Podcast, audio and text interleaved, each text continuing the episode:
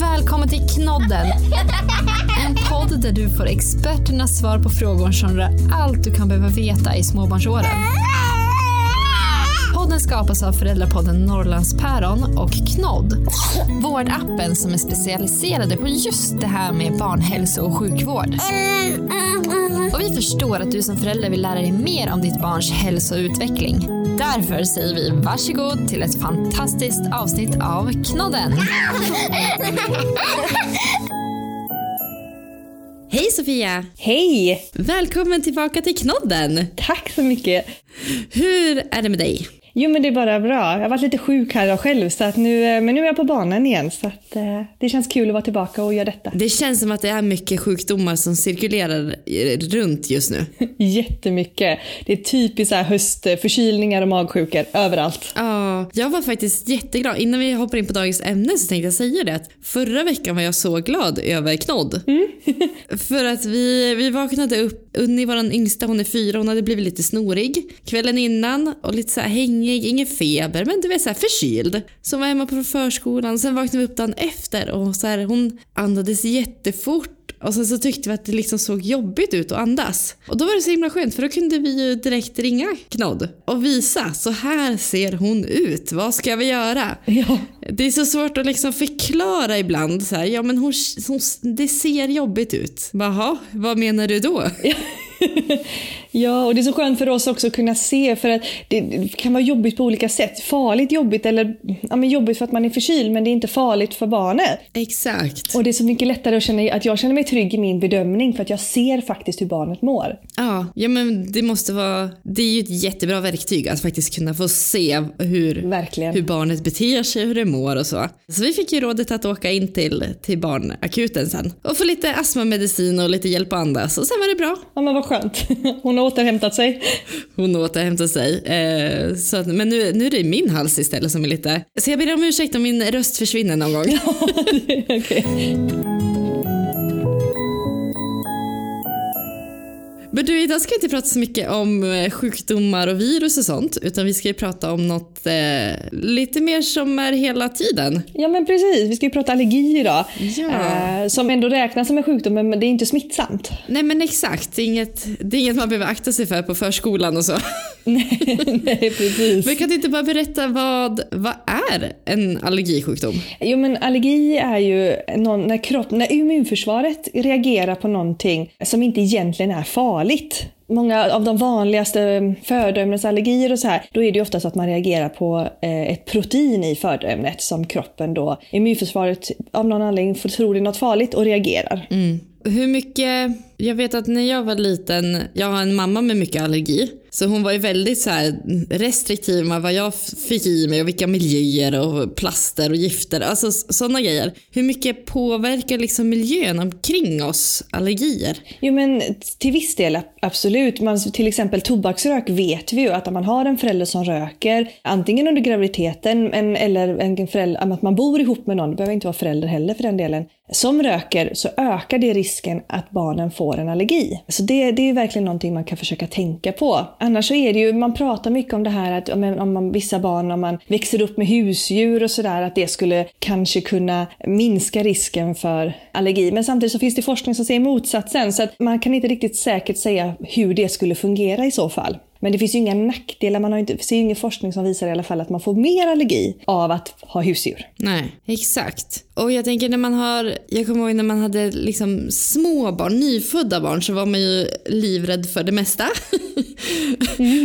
men bland annat så tänkte man ju på så här, ja men Eh, jag som ammade mitt barn då till exempel, eh, för då hade man också läst lite myter att det kunde på något sätt trigga allergier om jag skulle äta fel mat eller stark mat eller jordgubbar kommer jag ihåg jag läste någonting om och sådana saker. Och det, och det stämmer ju inte, precis som du säger, det är ju myter. Det finns ju inget belägg för att det som mamman äter skulle på något sätt kunna trigga en allergi. Sen vet vi att det finns vissa livsmedel som till exempel kan ge lite gas i mage och sådär.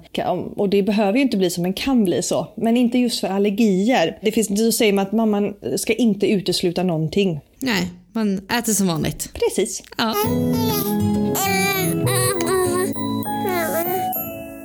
Jag tänkte att vi ska kolla på de fem vanligaste allergierna idag. Eh, som jag tänker att du har bra med kunskap eh, om.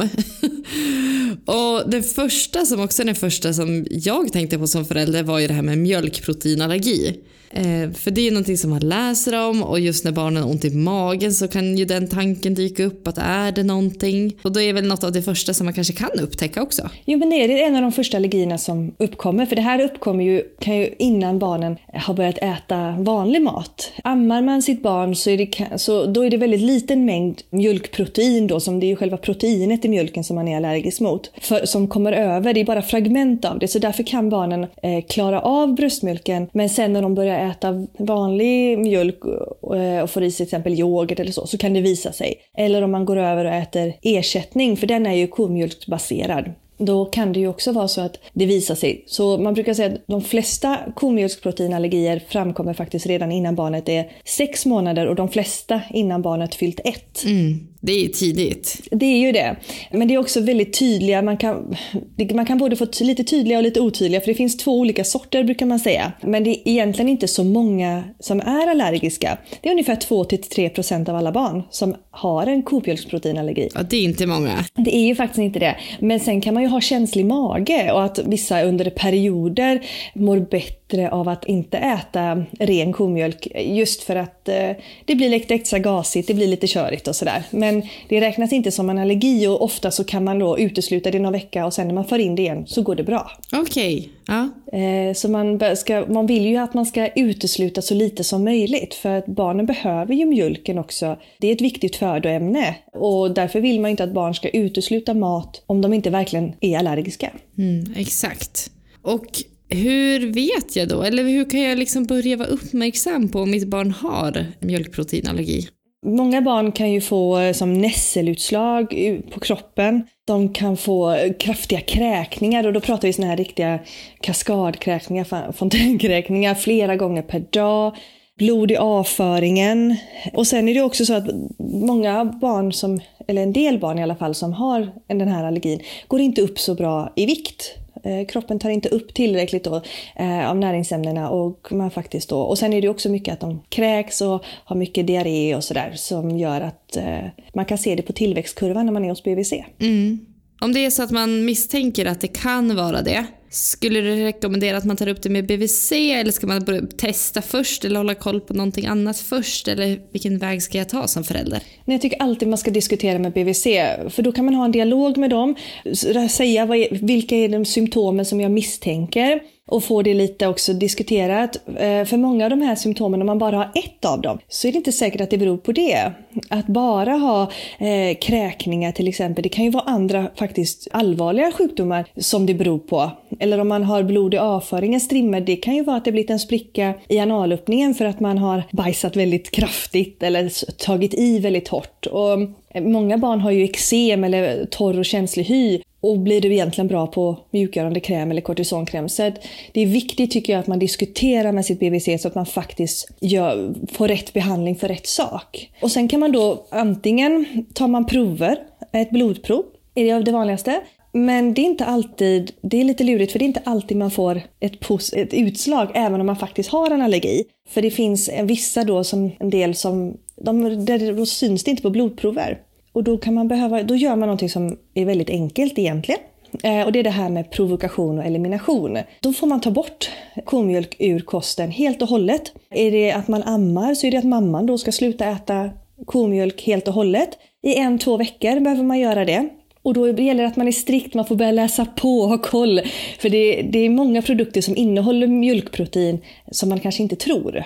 Och då ska det ju bli helt bra. Då ska alla de här symptomen försvinna. För att, och händer det då, då vill man ju också att man för in mjölk igen. För det kan ju faktiskt vara så att det var en tillfällighet att det faktiskt försvann. Och då för man in mjölk i kosten igen och då ska symptomen komma tillbaka. Mm. Så man testar helt enkelt för att se? Mm, precis, och det är väldigt ofarligt att göra på det sättet för ett barn klarar sig utan mjölkprotein i en, två veckor på ett test om det skulle vara så att man har misstanke om det. Mm, exakt. Om det nu visar sig att det är eh, komjölksprotein, vad händer då? Ja, alltså små barn, då brukar man säga att, man, att det oftast växer bort. Så, man kan, eh, så barn under sex månader, då brukar man säga att då utesluter man det i fyra veckor. Och sen vill man gärna att man provar igen. Så man, då provar man i en vecka, det kommer symptomen tillbaka. Okej, okay, då tar vi bort det igen och så väntar vi fyra veckor till och så håller man på så. Men för det mesta så brukar man säga att är barnen över sex månader och det fortfarande håller i sig, då kan det vara bra att eh, man får en remiss till en barnmottagning för att vidare utredning. Och det ska man också få om man har kraftig allergi. Om det verkligen blir eh, stora kraftiga nässelutslag, eh, svullna, alltså uppsvullning eller kraftiga kaskadkräkningar. Då kan man behöva komma till barnmottagning tidigare. Så det beror lite på, och det kan BVC, det har de jättebra koll på, så de kommer kunna vägleda er om, det, om ni ska följas på BVC eller om de kommer remittera er vidare. Mm, exakt. Jag funderar på, vad är skillnaden mellan mjölkproteinallergi och laktosintolerans. För det är väl det man, liksom, i alla fall jag innan jag fick barn, hade hört mer om liksom, att man är allergisk mot laktos. Precis, för det är ju det som är vanligt hos vuxna. Och det är väldigt viktigt att man har skillnad på det. Så att man inte går hem och utesluter laktos när BVC-sköterskan har sagt att man ska utesluta mjölk. För att det är, även om laktos, och då, då tar man ju bort liksom mjölksockret. Men själva proteinet som är det man är allergisk mot finns fortfarande kvar. Och det ska man också veta att det är skillnad på en allergi och en intolerans. Så att eh, där får man inte de kraftiga allergiska reaktionerna som man får om man har en allergi. Man kan inte få det som är väldigt ovanligt som kallas en anafylaktisk chock eller så heller. Och en intolerans för just laktos, det har inte små barn mer eller mindre. Eh, utan det är något som kommer upp mot skolåldern. Så att man brukar säga 5-6 års under. Det är ytterst ovanligt att barn under 5-6 års ålder har en laktosintolerans. Mm, vad spännande, det hade jag ingen aning om. Mm. För att fram tills dess så löser man det. Då har man en produktion av det här enzymet som, som man producerar som bryter ner mjölksockret. Men efter den åldern så kan det sluta fungera. Och det är då en sån intolerans kommer. Och då uppstår ju de här andra symptomen med gas i mage, uppsvälld mage, diarré och sådär. Och som oftast kommer, jag äter laktosen och sen efter en stund så kommer det. Det blir, liksom, det blir inga sena, långvariga ska säga, reaktioner på det. Nej, exakt. Något annat som man kan vara allergisk mot som är ganska vanligt är ju det här med ägg. Precis. Det är också en sån ganska vanlig som man upptäcker när barnen börjar äta vanlig mat. Mm. Hur är den allergin? Mm. Eh, och den är, funkar på samma sätt. Det är proteinet i ägget som man reagerar på. Och, och faktiskt eh, liksom hur det ter sig, hur man reagerar. Det är också likvärdigt. Det är oftast utslag, kräkningar, illamående, diarréer, blodig avföring och sådär. Som man kan få av det också. Men det vanligaste är utslag och kräkningar. Mm, exakt. Är det lika känsligt där för, för små barn det här med, med amning? Nej, inte det heller. Som sagt, små fragment kommer över så det kan vara så. Men det vanligaste är att man upptäcker det när barnen börjar äta vanlig mat. Och då är ju rått ägg, om man skulle säga så, eh, det reagerar fler på än tillagat ägg. Jaha, okej. Okay. Just det. Och hur, är det ungefär samma sätt man testar det här på som med mjölkprotein? Ja, det vanligaste är att man tar prover för äggallergi. Men visst, samma sak där. När han äter något som inte innehåller ägg så går det bra. Och när han får ägg så kommer det tillbaka. Men man brukar ändå... Det, det funkar inte lika lätt med elimination och provokation på ägg. Så där brukar man testa med eh, blodprov om man misstänker det. Mm, just det. Nästa allergi är ju en allergi som jag tror att eh, nästan alla har stött på och hört talas om och kanske är lite rädda för. Och det är det här med nötallergi. Eh, och anledningen till att jag tror att man är rädd för det är väl för att man oftast har den här bilden av att det sker någonting med andningen. Att man får svårt att andas. Och så är det ju egentligen inte. Det är ju de man hör om och, och, det är ju jätteobehagligt om det skulle hända. Men det är ju inte det vanligaste som sker utan det är ju samma sak här. Det är att man får utslag, kräkningar och vissa kan ju bli lite så här, svullet om öronen, svullen om läpparna. Men det är inte så vanligt att luftvägarna svullnar igen. Och sen är det skillnad på just nötallergi och jordnötsallergi. För jordnötter är ju egentligen ingen nöt. Utan det tillhör ju baljväxterna. Så att man kan vara allergisk mot jordnötter och ändå tåla alla andra nötter. Eller tvärtom. Mm, just det. Och är det någon, någon av de olika nötallergierna som är vanliga att man får de här andningssvårigheterna? Nej, det skulle jag inte säga egentligen. Eh, utan det, det kan ske på vilken som egentligen. Utan det handlar om hur starkt eh, immunförsvaret reagerar på den nöten. Så att, och det kan vara väldigt individuellt. Och det kan vara skillnad. Även om jag är allergisk mot två nötter så behöver jag inte reagera lika starkt på båda. Nej, precis. Och hur, hur ska man tänka då när man ska börja ge barn nötter eller att det är nötter i maten eller en del såser och sånt. Ja. Vad Eh, ska jag koll på? Vad, eller behöver jag koll på någonting? Nej, alltså det, det är viktigt att man börjar introducera det och faktiskt tidigt. För man har sett att små mängder tidigt minskar risken för allergi. Och då pratar vi kryddmått och då kan man ju till exempel ta jordnötssmör när barnen får lov att börja smaka lite grann och lägga lite på läppen eller lite på tungan bara för att de ska få känna smaken. Och sen så när man märker att det gick ju bra, det blev ingen reaktion. Ja, men då vågar vi ge lite mer och så gör man det, en sakta upptrappning av detta. För man brukar säga att första gången man kom, kroppen kommer i kontakt med livsmedlet så reagerar man inte. För kroppen har inte fått, tagit emot det förut, så det, har, det känner inte igen det och därför reagerar det inte.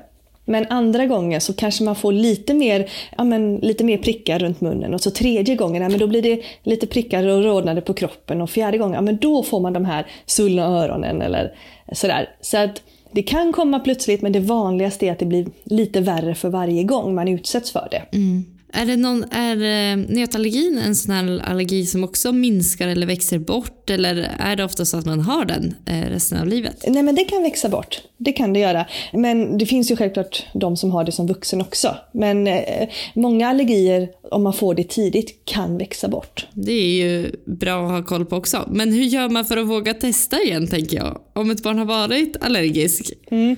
Då, får man, då gör man det i samråd med barnmottagningen. Då eh, har man inte haft en så kraftig utan en lätt allergi, då kanske man får lov, lov att prova lite hemma. Men har man haft en kraftig allergi eller liksom har sett på blodproven att man har en hög, eh, ett högt prov, då, eh, då gör man det oftast på mottagningen där man har möjlighet till adrenalin och allergimediciner och sådär. Ja, exakt. Så eh, inte experimentera själv, utan Nej, inte, in, inte om inte barnmottagningen sagt att det är okej att man gör det hemma. För jag vet för vissa, i alla fall mjölk och ägg och så, de här vanliga livsmedlen, de, de kan man få hem ett litet schema på hur man ska sakta införa det. Men eh, vissa allergier är man lite mer försiktig med och då får man göra det på mottagningen.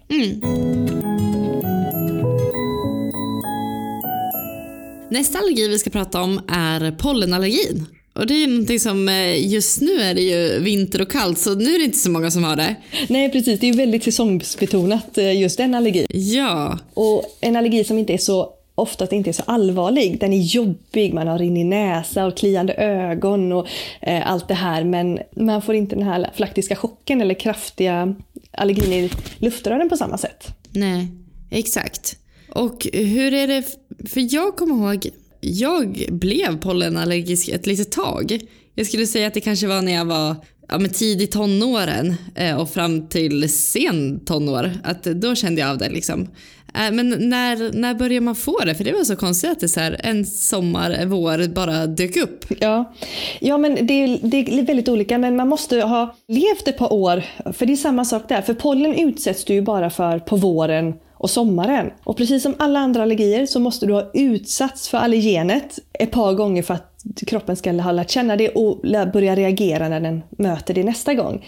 Så man brukar säga att åtminstone en, två vårar och somrar behöver barnet ha levt och genommött för att man ska kunna få en allergisk reaktion. Så det vanligaste är ju att man får det också i sen förskoleålder, tidig skolålder där någonstans. För då har man utsatts ett par gånger. Men det- självklart, det finns ju ett tvååringar, men det är väldigt ovanligt som reagerar. Och det beror ju också på hur kraftigt, hur mycket pollen det är den säsongen. Det kan ju, man märker själv om man har en allergi att vissa år så är det hur mycket som helst och man måste ta massa antihistamin. Och vissa år så märker man knappt av det. Nej, verkligen. Och just det här, det jag kommer ihåg själv från pollenallergin, det var ju just den här tröttheten. Hur jag liksom kom hem efter skolan vid så två, tre och sen så låg jag och sov.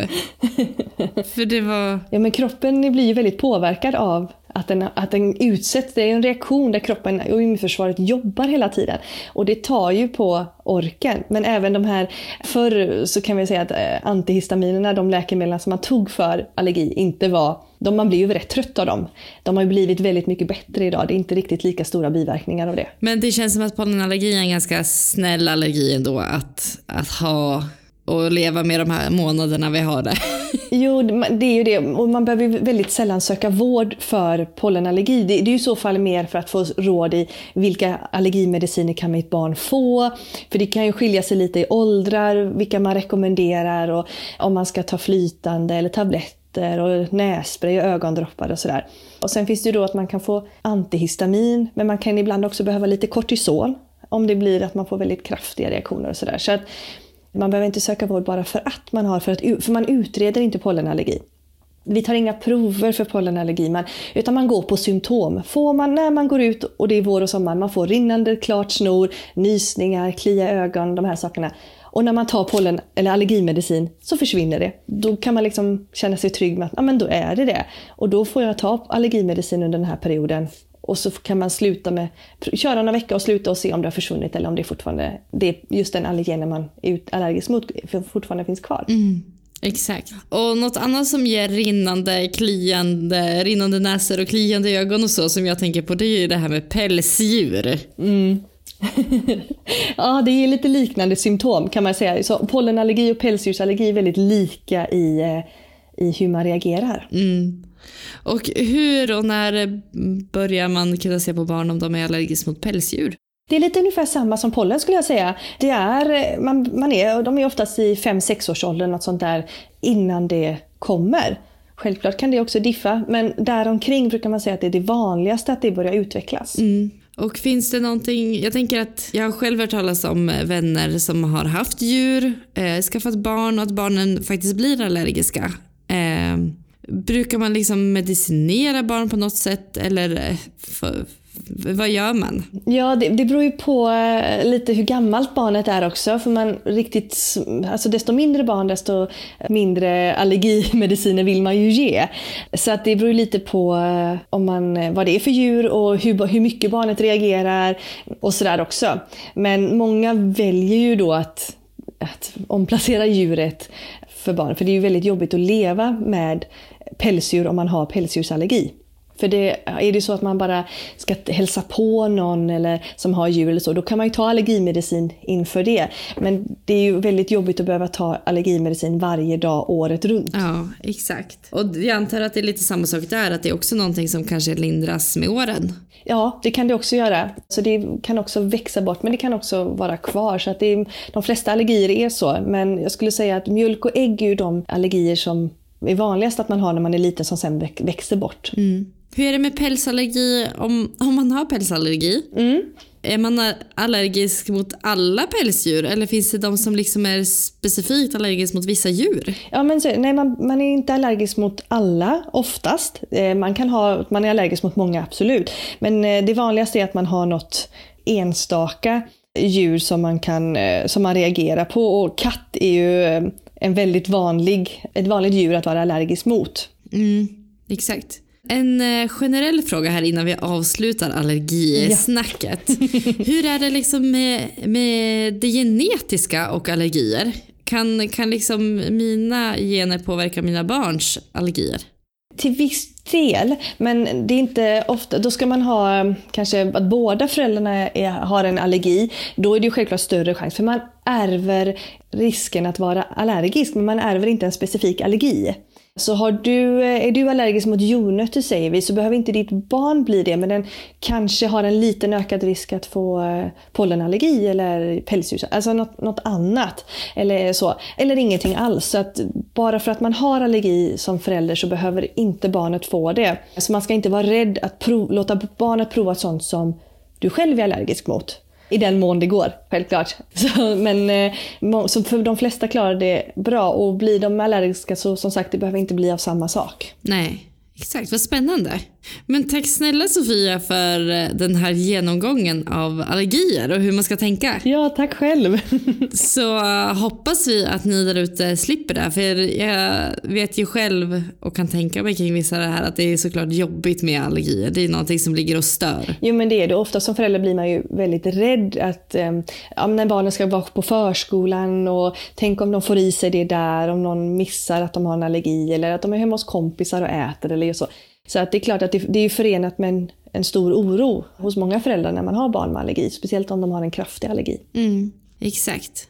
Och kan man ringa er på Knodd om det är så att man funderar över det här med allergi eller om det kan vara symptom eller sådana frågor? Absolut, eh, det går jättebra. Vi har ju som sagt videosamtal vilket gör att vi har lätt att kunna titta på symptomen, eh, se hur barnet mår och också rekommendera receptfria allergimediciner om det är så att, eh, att man tror att det kan behövas. Mm. Det är jätteskönt så slipper man stå där och fundera själv. Då vet vi. Ja, nej men det är skönt att bolla med någon ibland. Ja, oh ja. Tack snälla Sofia för ikväll. Tack själv, ha det så bra. Ha det fint, hejdå! Hej.